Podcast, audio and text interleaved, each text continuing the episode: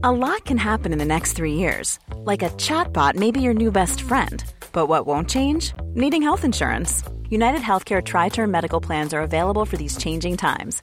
Underwritten by Golden Rule Insurance Company, they offer budget friendly, flexible coverage for people who are in between jobs or missed open enrollment. The plans last nearly three years in some states, with access to a nationwide network of doctors and hospitals. So, for whatever tomorrow brings, United Healthcare Tri Term Medical Plans may be for you. Learn more at uh1.com. It's that time of the year.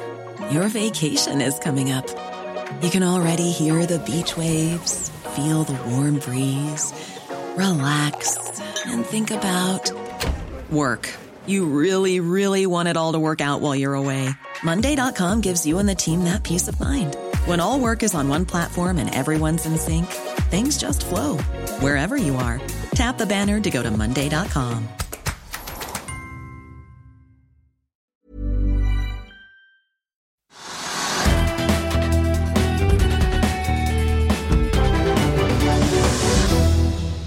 Velkommen til Økonominyhetene på denne gudskjelovdagen fredag 29. april. og Det har vært eh, nok en hektisk børsdag i dag. Vi har vært på Oslo lufthavn for å snakke med Norse Atlantic-sjef Bjørn Tore Larsen, som nå har eh, lansert både ruter og startet eh, billettsalget. Hvor lenge du kan fly til New York for under tusenlappen, det får du svar på litt senere i sendingen. Det blir også bilprat i dag og teknisk analyse av Nordic Semiconductor.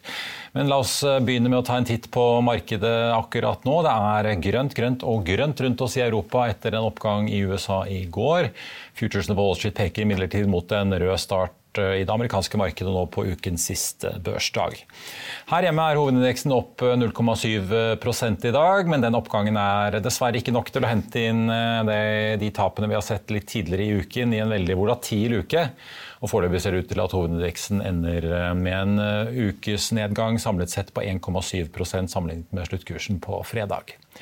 Nordsjøoljen er opp 1,6 i dag, til 108 dollar og 80 cent per fat. og Den amerikanske lettoljen den følger også etter. Den var jo på 101 dollar fatet i går omtrent, og nå ligger den rett under 106 dollar fatet.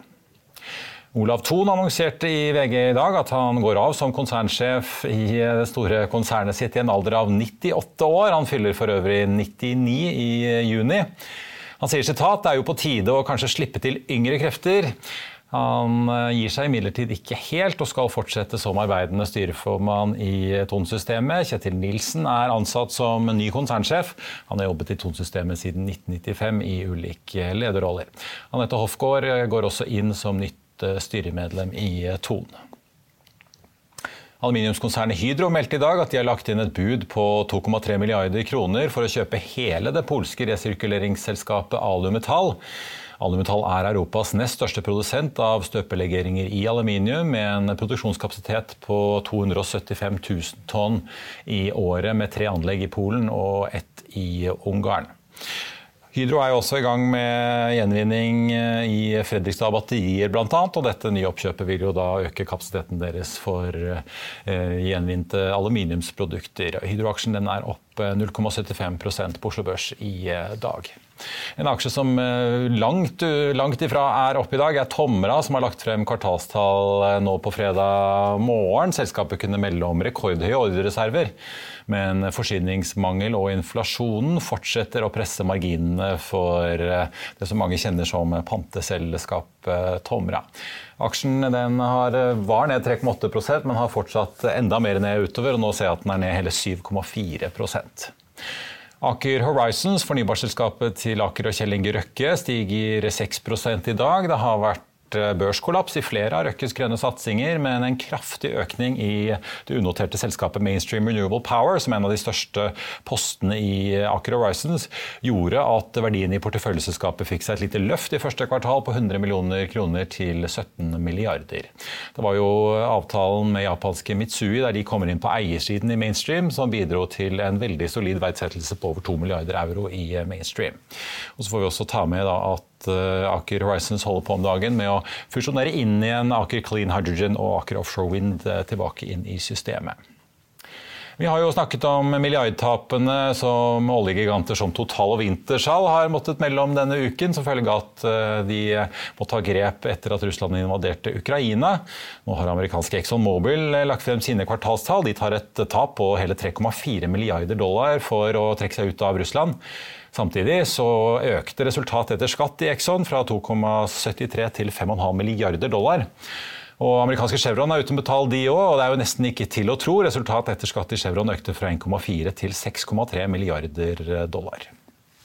Før vi går videre i sendingen, husk at du også kan se sendingene våre ved å gå inn på fano-tv, og at vi også har andre podkaster enn bare Økonominyhetene, som Morgenkaffen, Gründerpodkasten Veien hit, Ukens vintips, Kunstpraten og bilpodkasten Mil etter mil. De finner du ved å søke Finansavisen, der du hører på podkast. Høge Autoliners er i gang med å rykke oppover i hierarkiet på Oslo Børs. I en melding i ettermiddag kommer det frem at aksjen fra og med 2. mai flyttes over fra Euronex Growth til hovedlisten på Oslo Børs. Og apropos shipping, Jon Fredriksen viser muskler i tankrederiet Euronav for å få til denne fusjonen med sitt eget tankrederi Frontline. Den belgiske shippingfamilien Savory, som sitter i Euronav, er derimot sterkt imot fusjonen og har gradvis kjøpt seg opp til en eierandel i Euronav på 16,5 hat. Gjennom sitt rederi Maritim Belge og private selskaper. Så har de til sammen da sopt opp aksjer for 353 millioner dollar. Nå svarer Jon Fredriksen ved å flagge at han er nær 11% eier nær 11% av aksjene i Euronav. Frontline-aksjen den stiger 2,1 i dag. Og når vi er inne på Fredriksen-systemet, riggselskapet Sidril, som han jo pleide å være største eier i, er nå tilbake på Oslo Børs, denne gang på Euronex Expand etter restruktureringen i det amerikanske Chapter 11-systemet. Men nå er det ikke lenger Fredriksen, men kreditorene som er de største eierne i riksselskapet Sidril. Og i dag ble det klart at den norske staten via Eksportfinansiering Norge har dumpet alle sine 8,8 millioner aksjer for nesten 3 milliarder kroner. De hadde jo da før dette salget en eierandel på 17,6% Aksjene de er solgt til 330 kroner. Og den steg jo Sidril da hele 30 til nettopp 330 kroner i går, og i dag er den opp ytterligere 9 både investorer og analytikere fordøyer jo nå alle de kvartalsrapportene som renner inn på løpende bånd fra selskapene både i Norge og utenlands i disse dager, men hvilken vei aksjene skal ta etter disse kvartalsrapportene er det ikke alltid disse analytikerne er enige om. Her er dagens og ukens siste aksjetips. Europris fyller 30 år, men er det nå man bør kjøpe aksjen? Det er fredag 29. april, og mer om det og andre analytikeroppdateringer får du i ukens siste aksjetips. Altmuligkjeden Europris slapp kvartalstallene sine på torsdag, og markedet surnet noe voldsomt over nyhetene derfra.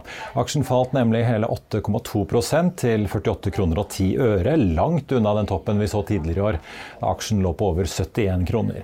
Meglerhusene er nå litt uenige om veien videre for aksjen. Arctic Securities Carl Bjerke tar opp Europris fra hold til kjøp med uendret kursmål på 60 kroner.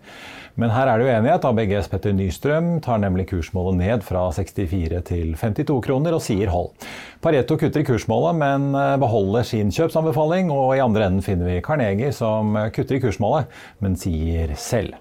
Og når vi først snakker om handel og aksjer som har fått juling, komplett eh, nettbutikken også får kraftige kutt etter deres kvartalsrapport i går. ABG tar ned kursmålet fra 72 til 52 kroner, mens Pareto kutter fra 80 til 50 kroner. Komplettaksjen falt saftige 15,4% torsdag og er ned nye 3 eh, til litt over 36 kroner aksjen på fredag. Nordic Semiconductor fortalte på sin kvartalspresentasjon torsdag at de kunne solgt enda mer hvis de bare hadde nok deler. Danske Bank er ute med en nykjøpsanbefaling på Nordic Semiconductor, der kursmålet økes fra 250 til 270 kroner. Aksjen steg 5,5% på torsdag og fortsetter opp omtrent like mye på fredag. Og så må vi innom oljeservicekonsernet Subsea 7, SEBs Kim André Uggedal, Paretos Bård Rosef og Sparebanken Markets Kristoffer Møllerløkken er nemlig enige om én sak. Her er det bare å kjøpe. De har alle kursmål på 100 kroner i Subsea 7. Totalt sier nå 20 meglerhus kjøp, mens bare JP Morgan og Morgan Stanley er på hold.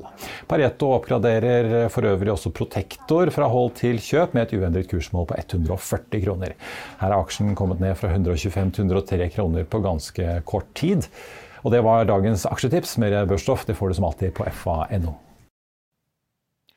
Da skal vi snakke luftfart, men før vi kommer til Norse Atlantic, så vil jeg bare ta med at SAS-aksjen er ned 3,6% på Oslo Børs i dag. SAS eh, kom eh, for ikke lenge siden med en oppdatering på den restruktureringen som eh, selskapet jobber med, og SAS sier at de ikke har kommet særlig lenger i forhandlingene, og at mye gjenstår sammenlignet med den løpemeldingen som kom i februar. Det var rett over sommeren i 2020 at flyselskapet gjennomførte sin første redningsoperasjon under koronapandemien, men helt siden Anko van der Werft kom inn som ny konsernsjef her i fjor fjor høst så har jo markedet gått og ventet på en ny redningspakke som eh, skal hjelpe SAS med å håndtere den høye gjelden bl.a.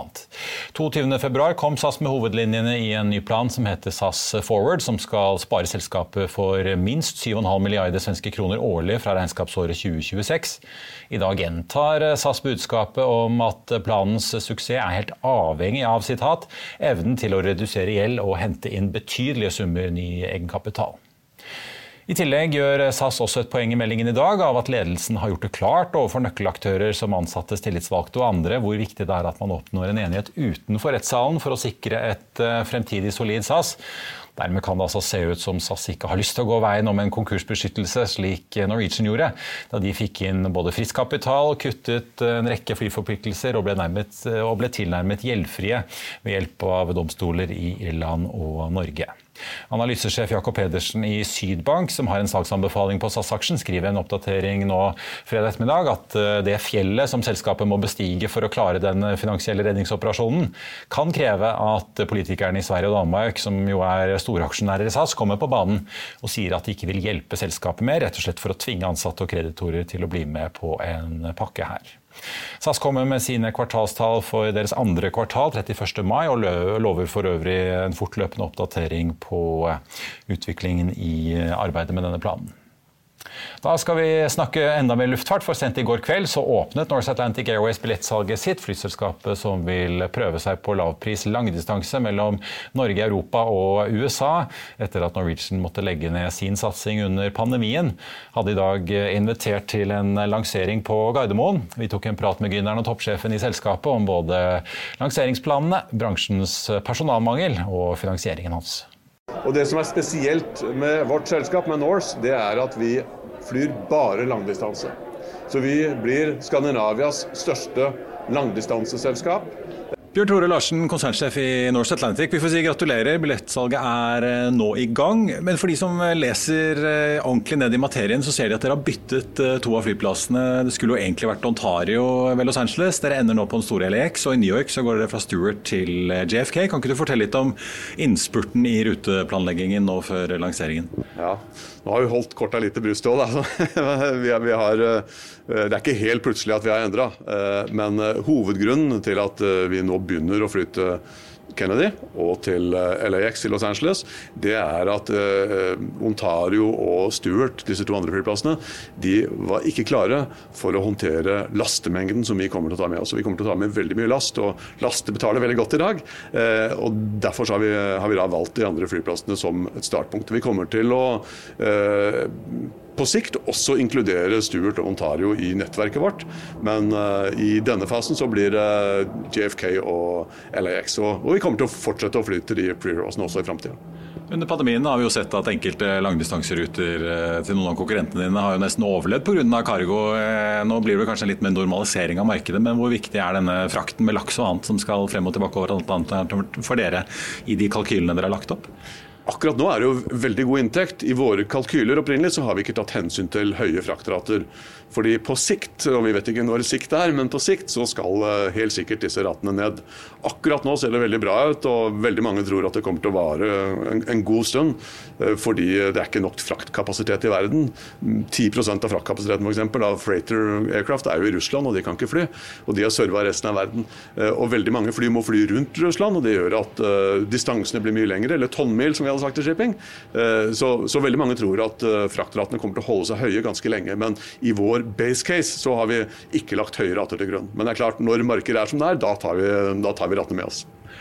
Hvis man går inn på nettsidene deres nå, så ser man at man kan fly til New York for under tusenlappen og til Fort Lauderdale ved Miami for under 1500 kroner. Er det priser du kan overleve på, eller er det litt lokketilbud for å på en måte få i gang trafikken nå i starten?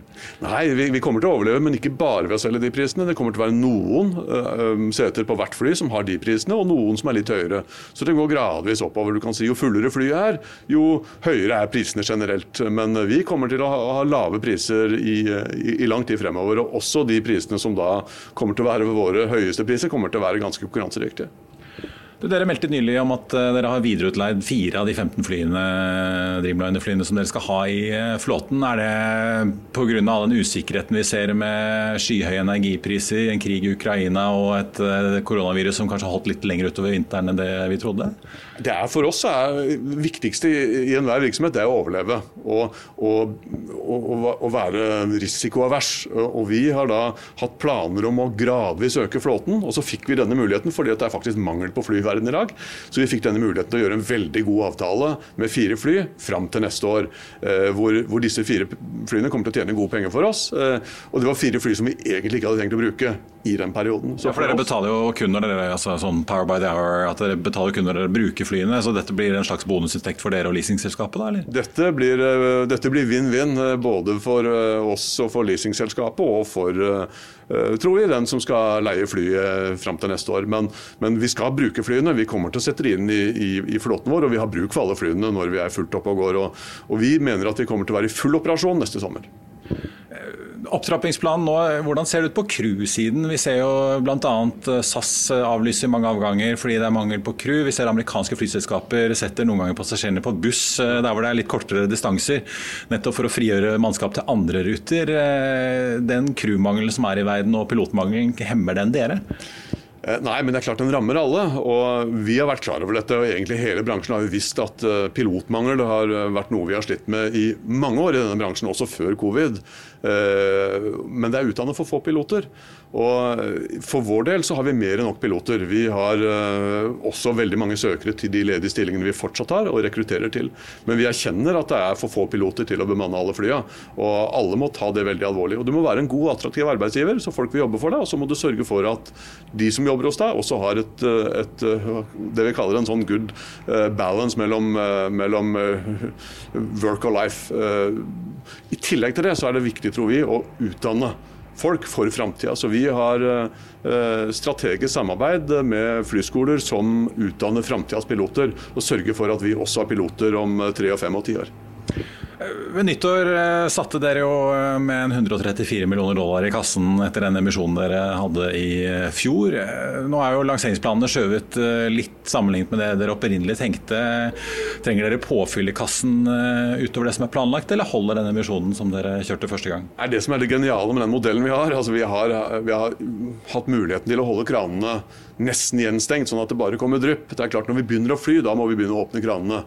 Men fram til vi har vært i operasjon, så har vi hatt eh, en, en veldig liten cashburn i forhold til eh, andre flyselskaper av vår størrelse. Så, så vi eh, klarer oss med de penga vi har, og, og, har en veldig god uh, likviditet uh, også når vi setter i gang virksomheten. Får vi si lykke til med første flight til New York i juni. Tusen takk. A lot can happen in the next three years. Like a chatbot may be your new best friend. But what won't change? Needing health insurance. United Healthcare Tri Term Medical Plans are available for these changing times. Underwritten by Golden Rule Insurance Company, they offer budget friendly, flexible coverage for people who are in between jobs or missed open enrollment. The plans last nearly three years in some states, with access to a nationwide network of doctors and hospitals. So, for whatever tomorrow brings, United Healthcare Tri Term Medical Plans may be for you. Learn more at uh1.com. I'll see you in court. Vi sier det ofte litt på spøk. men for deg som driver business, er det aldri moro å innse at du ikke har laget en 100% gyldig kontrakt. Du bør ikke risikere hele firmaet ditt fordi du synes dette med kontrakter er litt stress. En avtale er ikke en avtale. Du kan miste kunder, miste venner, ja, til og med miste inntekter om du ikke lager en skikkelig kontrakt, på alt mulig, egentlig. Men vi vet det er et styr. Kopimaskiner, tregprinter og haugevis av papir. Dessuten stoler vi jo på folk her i landet. Det er ofte litt kleint å skulle be om en signatur for alt mulig, ja, for mye av styret handler også om jakten på underskriften. Det finnes en enkel måte å løse dette på. Dukkobit. En trygg, effektiv og get this, gratis måte å sikre seg en god natts søvn pluss en juridisk bindende avtale. Dukkobit-appen har de strengeste sikkerhetskrav i bunn, samt en EU-godkjent og sertifisert teknologi. Framover vil det bli behagelig å spørre du, skal vi skrive under på det, eller? Kom i gang på dokobit.no. Det er eh, snart helg og tid for en ny utgave av Finansavisen Motor, og vi får jo begynne med en bil som er det nærmeste man kommer en institusjon, i hvert fall i luksusklassen. Og vil du bli en del av eliten, er det denne som gjelder, kan vi lese om i helgen. Håkon Sæbø, velkommen. Ja, takk ja, for det. Du må nesten vise dette coveret. Vi snakker jo da om eh, noe så erkebritisk som Range Rover det er jo ikke hver dag det kommer de. Og, og, og jeg bare måtte notere hva du fortalte denne fargen heter. altså Sunset Gold Satin. Ja. bare navnet sier jo at dette her er ikke, det er ikke, dette er ikke Volkswagen 903, altså. Nei, det er eh, rikt. Jeg tror den fargen koster eh, om lag 100 000 kroner ekstra. Ja. Og når bilen eh, koster opp mot 3,2 millioner kroner, hvis du virkelig drar på, så blir det jo litt penger, da. Ja. Du har vært i California av alle steder, ganske passende i Napa Valley for å prøve denne bilen. Fortell litt, hvordan er det egentlig? Jo, du, bilen er egentlig veldig velfungerende. Det var jo ikke sånn uh, kjempeoverraskende. Så hvis man skal liksom dykke litt ned og se på uh, hovedforskjellen, så er jo en av de at bilen har fått uh, bakhjulsstyring. 7,3 grader, så ikke like mye som Mercedes S-klasse med 10 grader, altså at bakhjulene svinger. Men det hjelper veldig på fremkommeligheten i byen. Man skulle liksom tro at fremkommelighet ikke var noe problem for en Range Rover. Men i byen kan det jo faktisk være det. Nå på en måte åler den seg mye mer frem og er mye mer men vi rett og slett greier å kjøre i byen. Ja, i hvert fall Når kryssene blir strammere og strammere og smalere, og smalere, så er det veldig greit å kunne svippe rundt, ikke bare kjøre over. Eh, borte i USA så er det jo gjerne bensin som gjelder, og det kommer jo en uh, stor bensinmotor, ikke helt overraskende nå også. Også diesel, uh, men for oss nordmenn da, som er glad i ting som uh, har en kabel uh, ut av panseret, holdt jeg på å si. Ja. Vi kjørte bilene nå med diesel og bensin, og da V8. BMW V8, 4,4 liter. 530 hestekrefter, som det faktisk er en del nordmenn som har kjøpt. Eh, men de aller fleste vil jo da naturligvis ha den ladbare hybriden, som går eh, over, godt over 100 km. Og har en eh, sekssylindret bensinmotor som er i bunn, i tillegg til et gedigent batteri. Faktisk så veier den i lang aksjeavstand riktignok over 2,7 tonn. Ja, Men i dagens elbilverden er jo det ingenting. Nei, Nei. elbil Det kommer jo en eh, elektrisk versjon av dette. Det er 2024. Jeg prøvde å eh, lokke ut litt eh, info om den, men det var ikke så lett. De sier ikke så mye ennå, men det er i hvert fall grunn til å glede seg til det. Men altså, så kommer jo, nå vet jo Mercedes kommer både med en EQS SUV og etter hvert en EQG, altså en Geländewagen SUV, så det begynner jo å komme mye elektrisk her. Range Rover har jo fått mange konkurrenter fra både Bentley og ja, for så vidt Lamborghini kan man kanskje si, og ikke minst Rolls-Royce de siste årene. Er det fortsatt Range Rover som er toppen av uh, eliteluksus i SUV-klassen? Ja, det, jeg tror kanskje det. det. Her er det jo da 90 eh, cm vadedybde, uh, så du kan jo kjøre i skikkelig dypt vann. Eh, du har fremdeles lavgirserie, så du kan virkelig klatre. Det var jo litt av Poenget i Napa Valley er jo at hvis du blir invitert til en vingård, så er det jo pinlig å ikke kunne kjøre rett opp. Kjøre oppover jordet, liksom. Ja. Så kjekt å kunne ha det. Eh, og det gjelder jo også for, eh, for den ladbare hybriden. Da kan du også kjøre elektrisk i lavgirserie. Det er det ingen andre biler som kan enn disse Land Roverne. Ja. Så det er hakk over. Du, apropos elbil, dere har jo også testet en litt mer folkelig bil. Nissan Aria, som kanskje etter mange år med svært godt salg av den lille Leafen kanskje kan gi Nissan et uh, nytt løft på salgsstatistikken, som Tesla har dominert ganske lenge nå her i Norge? Ja, kjempespennende bil. Jo, ja. jeg tror det. Den ser jo veldig lekker ut. jeg har også fått muligheten til å klå på den litt innvendig. spennende materialkvalitet, litt annerledes interiør. Eh, de første bilene kommer nå i sommer, så de som har vært tidlig ute og bestilt, eh, får de om ikke så altfor lenge. Men eh, det er all grunn til å glede seg til det nå. Altså. Ja, det er en renessanse for bilkjøperne til Nissan, som kanskje har vokst litt opp i mellomtiden og har lyst på større bil. Akkurat. Og så får vi si, da, selv om vi snakker veldig mye om elbil nå, så har dere et lite sånn déjà vu i FA Motor-helgen òg? Ja, Vi tok en liten titt på eh, hva som skjedde for eh, ganske lenge siden. Man snakker nå om at det er nå elbilbølgen eh, er her og kommer for fullt. Men eh, faktisk var det allerede på, fra 1910 og utover mot 1930-tallet var det jo ganske aktuelt med elbiler også i Norge. Så var, eh, har en eh, frilanser som har kikket litt på det og funnet noen artige bilder fra Oslo hvor det turer rundt sånne bestemor duck-aktige sorte elbiler. Det var litt sånn morsomt å se at det var faktisk da elbilen kom, og så forsvant den igjen. Da ble utkonkurrert. Ja. Jeg som trodde det var Tink som var den første store slageren i elbilmarkedet. Håkon, takk skal du ha, og riktig god helg. Takk.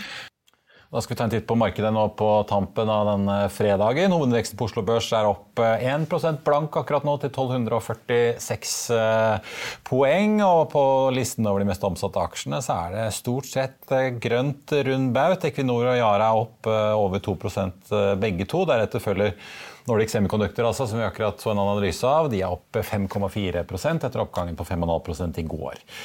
Så er det eneste unntaket på listen over de mest handlede aksjene i dag. Tomra ned 6,3% etter kvartalsrapporten som kom litt tidligere i dag. Aksjen er dermed ligger litt bedre an enn den var, men fortsatt en ganske betydelig nedgang for aksjen, som jo har slitt veldig under den sektorrotasjonen vi har sett vekst, vekk fra vekstaksjer over til verdiaksjer. Så får vi sveipe innom et par andre som har kommet med nyheter i dag. Aker Horizons eh, som var ute med sine tall, opp 2,2% Og så er det jo da Norse Atlantic som er ute med sine ruter og har startet eh, billettsalget. Første gangen den går til New York i juni.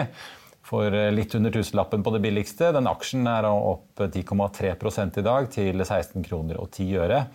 Det er gode tider for en del andre flyaksjer også. Flyr er opp 10,9 i dag, og Norwegian stiger 1,4 Litt verre er det for aksjonærene i SAS, som ser at aksjen faller 4,1 i dag. SAS kom jo da med en oppdatering om at de ikke har kommet så veldig mye lenger i forhandlingene om en ny finansiell redningspakke for selskapet. I Finansavisen i morgen på lørdag kan du lese Trygves leder om Putins gasskrig etter at Eh, Gazprom stengte igjen gasskranene til både Polen og Bulgaria. Og Trygve minner om at gassen er det samme for tyske bedrifter som vannkraften er for oss her hjemme i Norge. Du kan også lese om tørrlastrederiet 2020 Bulkers, som har pøst ut utbytter over aksjonærene sine, inkludert Tor Olav Trøim, nå i over 20 måneder på rad. Det blir også et intervju med Siri Kalvig, som satser på en whiskydrøm, samt masse helgestoff, og da også FA Motor. Det var det vi hadde for deg på denne fredagen. Tusen takk for at du så på. Mitt navn er Marius Lorentzen, og vi er tilbake her på mandag klokken 14.30 med nye gjester og økonominyheter til deg. I mellomtiden ønsker alle vi her i Finansavisen deg en riktig god helg. Takk for nå.